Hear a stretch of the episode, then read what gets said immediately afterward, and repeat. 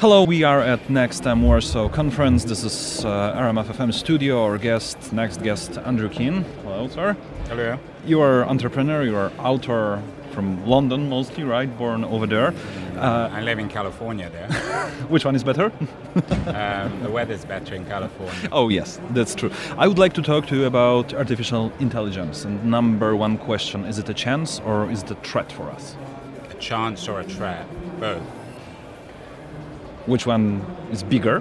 Well, that's like me saying to you in 1860 or 1870, we have an industrial engine, we have new kinds of technology, and I showed you, say, in 1910, a motor car, and I said, is it a trap or is it a, or an opportunity? And it's both. I'm not going to tell you one's bigger than the other. Okay, so um, it's the thing about traps and opportunities is they go hand in hand. If it's a big trap, it's a big opportunity. If it's a small trap, it's usually a small opportunity. It's not very significant. Okay, so why it's an opportunity? Well, it's an opportunity because it's remarkable technology that could theoretically liberate us from a lot of menial tasks. A lot of people don't like driving, for example. One of the things that are is blighting many cities is traffic jams.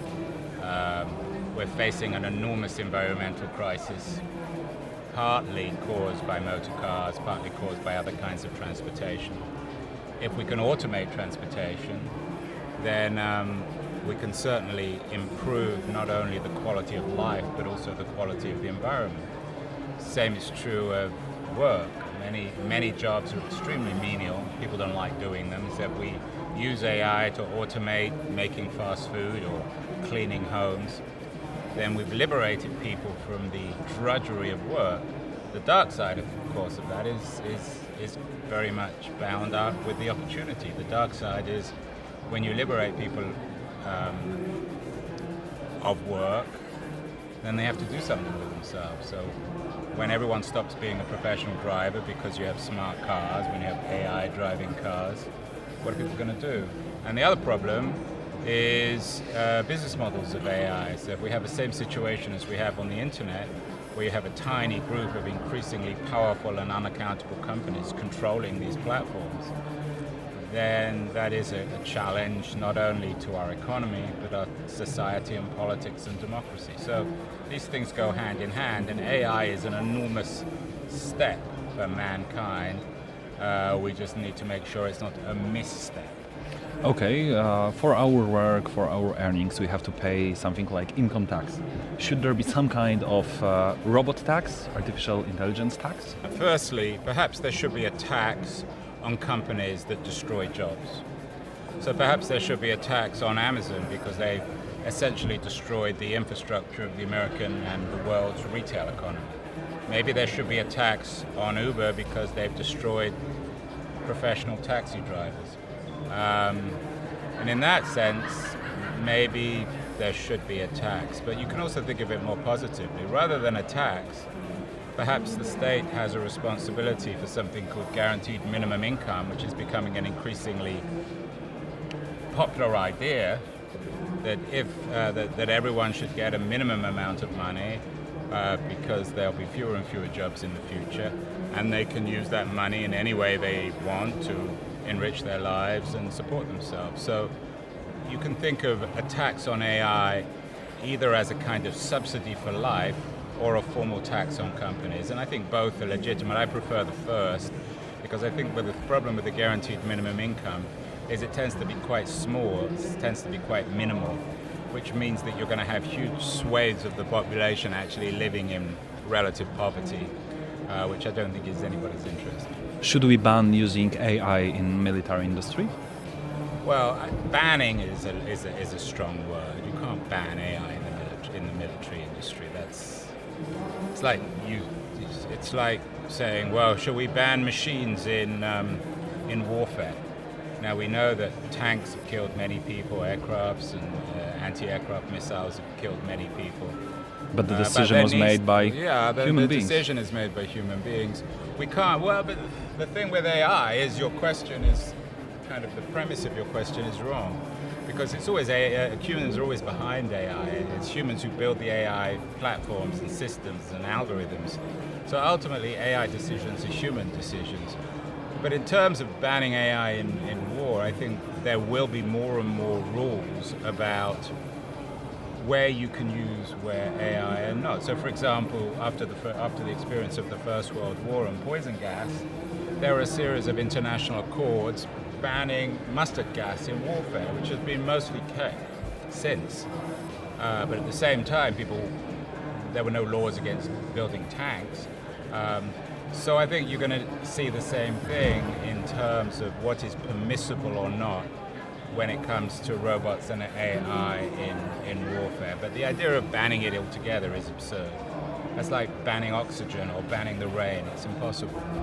On the other hand, we can ask a question when, let's say, movie like Terminator, Terminator with Arnold Schwarzenegger will become reality when machines will take over the decision-making process, the military process? Well, that's the great question which nobody can answer. No, no it is possible. The most sophisticated technologists can answer. No, nobody knows. I don't know. I'm not a particularly sophisticated technologist. My work focuses on the culture, the politics, the economics of technology.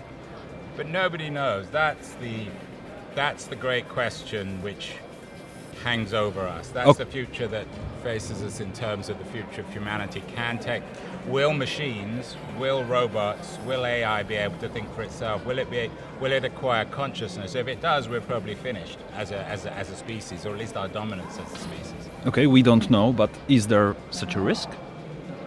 Yeah, that's a, I mean, there is, of course, there's a risk. So, what should we do to avoid that risk? Should we do anything? Well, you, you, we, we, we, again, it's it's not possible to do anything. You're you're presuming that these things are easy to control. Um, you cannot pass a law saying, well, we're not going to allow technology which will give machines consciousness. That's an absurdity. Um, so not consciousness, but you know, logic, mathematical process. Machine can say, okay, human is a threat. Can't. Pass, well, you mean you pass a law to ban that? Do you think? That's like passing a law. You know, during during um, you just you, you can't pass laws against such an existential threat. It's an absurdity. So you, are saying, well, I'm going to pass a law that says that machines can't acquire their own consciousness, so they can't rule us. That's an absurdity. Uh, you can try to legislate to make sure that if indeed it becomes increasingly self-evident that machines could acquire consciousness, that there needs to be legislation built around that. But you're never going to have any kind of consensus on these things because humans are, are, usually pretty dumb and they assume they can always control technology until the technology controls them. Okay, so getting this aside, what should we do to maximize the chance to have uh, opportunity to have something good from this and to minimize uh, any risk? Well, what we need to do is be ha- have these kind of conversations, be aware of the risk, be accountable, make the, the big platforms accountable, we need to make sure that governments understand both the risks and the opportunities and that they don't lag behind the technology companies. One of the problems with the internet is the government's been very slow and the tech companies like Facebook and Google are very quick, so they rush ahead and government's always lagging behind. They have no idea what the tech companies are doing, and by the time they do something they don't like, it's too late. So governments need to be faster, companies need to be more accountable, citizens need to also be more accountable. People listening to this can't just sit at home and say, well, what can I do? I'll just wait and see. Uh, if we all wait and see, then we're waiting and seeing for our own, we're, we're waiting for, not for Godot, but we're waiting for the demise of our, our, our species. So we all need to be accountable. This is a huge threat and a huge opportunity. Um, it's not something that can be fixed with an app or a single technology or a single company or a single government. It's a collective threat and a collective opportunity and it's going to play itself out throughout the 21st century. What should we tell our children, our grandchildren, to be happy, to be safe in the future with artificial intelligence, of course?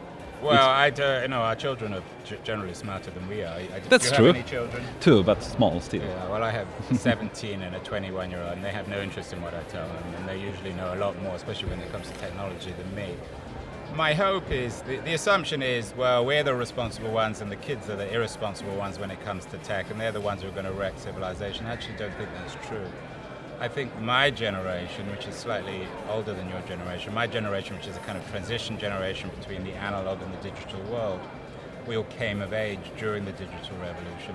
We fell in love with digital, we've fallen in love with technology, and we're, we're, we're not very critical. I, I think that my kids' generation, or the kids of my kids' generation, they're going to be a lot more critical. They're the ones who are going to really manage this challenge much better than my generation. My generation has, has done a, a fairly bad job. So uh, I'm pleased that my kind of late boomer generation is leaving the historical stage quite soon and later generations will take over. So we should leave it to them. We shouldn't just leave it to them because we can help in some ways and, and they will have children too. None of these things end. Generations, that's the beautiful thing about the human narrative is that there's always a next generation, and that generation always reacts against the previous generation. I think the next generations, though, are going to be much better equipped intellectually and technologically to confront and deal with this threat. If you want to think of it in historical terms, when it comes to tech, and maybe AI in particular, we're still in the 1950s, we're in that period, not, not so much in Poland, because the 50s in Poland was very different from the 50s in the United States. But in the US, the 50s was a period of naive optimism about capitalism and wealth and prosperity. Um, and in the 60s, there was a, a, a gigantic youthful rebellion against that. Uh, my sense is that, that that youthful rebellion against capitalism will happen with technology in a future generation. The real question is whether it will be a, a colorful creative revolution, as the 60s was in part, or a violent nihilistic one, which the 60s was, especially towards the end. So that's for that generation to figure out. Uh, I will be watching, but I'm not sure I'll be participating. Andrew Keen, thank you very much. You're welcome.